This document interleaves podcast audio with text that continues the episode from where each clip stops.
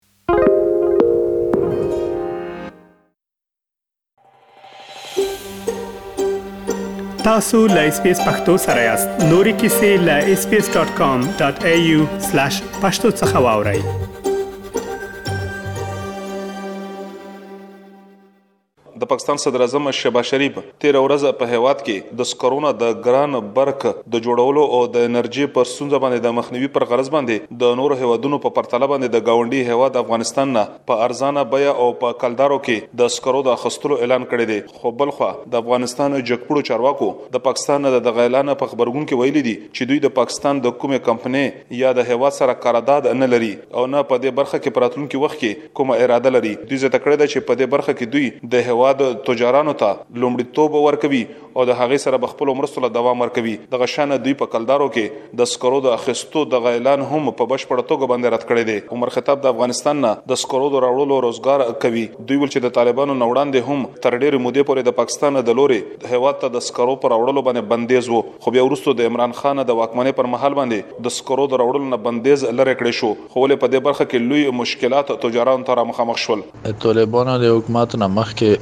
به چې موږ کله کولا امپورټ کوله دلې نو موږ یې پراپر ټي ټي کوله ټیلیګرافیک ټرانسفر باندې په ډالر کې به ټي ټي کوله که نه بیا چې کله د طالبانو حکومت روغلو نو نو هغو چې کوم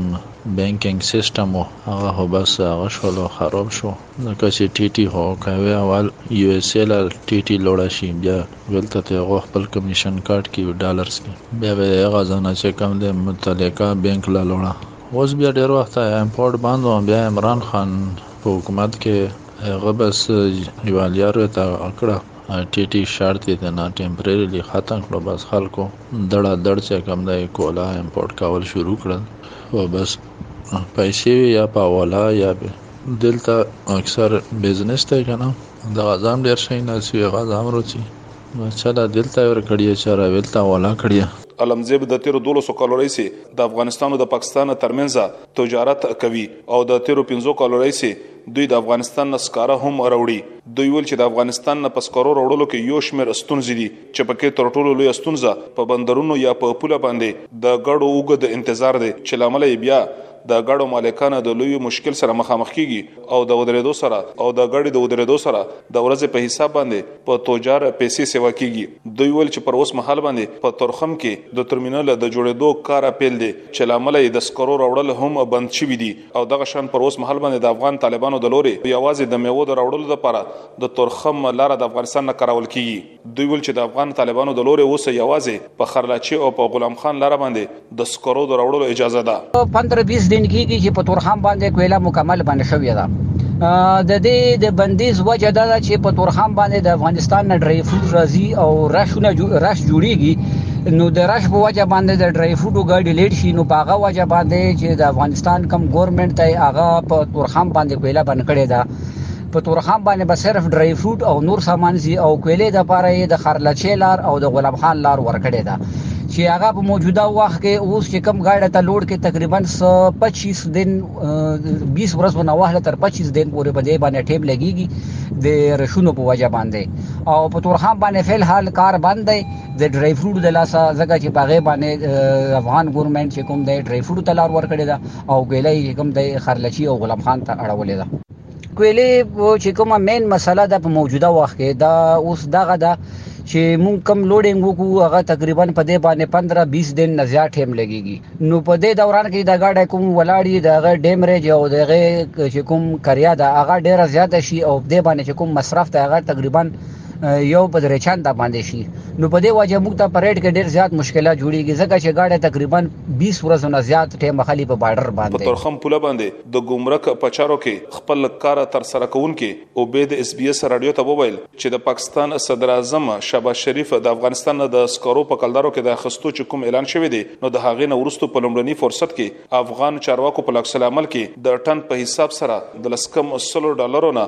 دوه سوه ډالرو ته مالیه رسولې ده دغه شان دوی وویل چې د سکرو بیې هم اوچتې شوې دي. او دا هغه څه دي چې په تېر وخت کې پاکستانه د افغانستان نه د سکرو اخستلو په برخه کې یو شمېر خنډان راوړل کړي وو.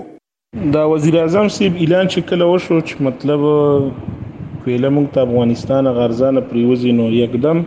افغانستان حکومت تقریبا 27 نه 60 ډالر پورې ریټونه وخېجول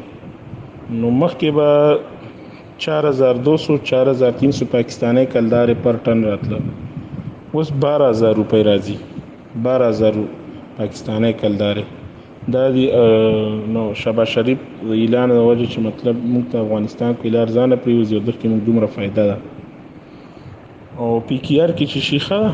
بینکینګ نظام الریډي افغانستان غشتنه ده نو بس مجبور دي ته چې پی کی آر کې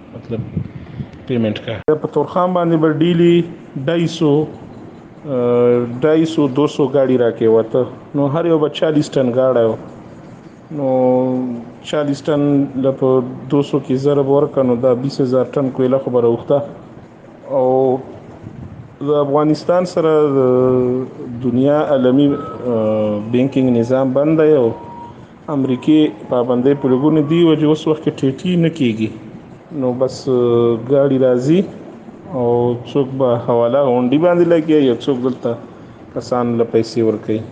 علمزیب زیاته کړه چې د صدراعظم د لوري د افغانستان نه په کلدارو کې د سکرو د خستلو اعلان که څه هم شوی دی خو بل اړخ ته پاکستاني تجارانو ته په دې برخه کې کار کول اسان نه دي ځکه چې په کلدارو کې افغانستان سره تجارت کول د مرکزي استخباراتي ادارې یا د اف آی د قانونو تر مخه یو قانوني جرم دی دوی ویل چې د صنایعو د تجارت د وزارت د لورې په کلدارو کې د تجارت باندې هیڅ کوم بندیز نشته دی خو ولې د اف آی د لورې دغه یو قانوني جرم دی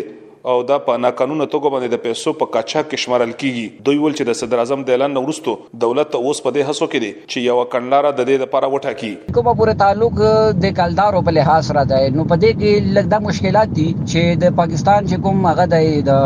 ایکسپورټ چپټر دی په هغه کې د دې هیڅ طریقه کار نشته اوس په ځنې ادارو لکه منیسټري اف کامرس کې شو هغه طرف نه خو د اجازه ته چې په کلدارو کې مونږ پیسې لګلې شو خو په کم پروسیجر هغه پروسیجر واضح نه دی اوس که سوچ وکړو نو د اف آی ای په لحاظ سره به کوم دغه جرم دی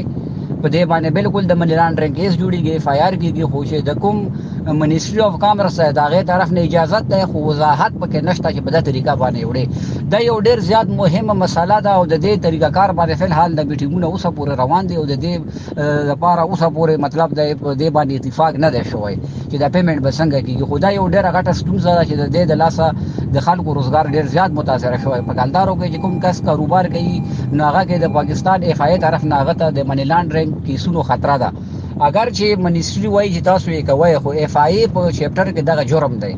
نو دغه کې لفل حال مفاهمت نه شوی په دې باندې میټینګونه روان دي او چې ستري کار جوړ شي هغه نه بعد به دغه نشر کیږي پاکستان پر اوس مهال باندې د انرژي د لوی ستونزې سره مخامخ دی چې پکې د برق کمې او د برق اوچت قیمتونه دي چې اساسي علت یې د نورو هوادونو نه په ګرانه بیه باندې د برق د پیدا کولو لپاره سکاره اخستل دي پر اوس مهال باندې پاکستان د افریقې د یو شمېر هوادونو انډونیشیا استرالیا او د ځینې نورو هوادونو نه په ګرانه بیه باندې سکاره اخلي او په هغه باندې برق پیدا کیږي او فابریکې په چلول کیږي خو د اقتصادي چارو کارپوهان وایي چې د دې قیمتونو د اوچتوالي له امله د هر څه په ګرانه بیه تمامیږي اوس په دغه معلومیږي چې پاکستان د افغانستان نه په ارزان بیه باندې د سکرو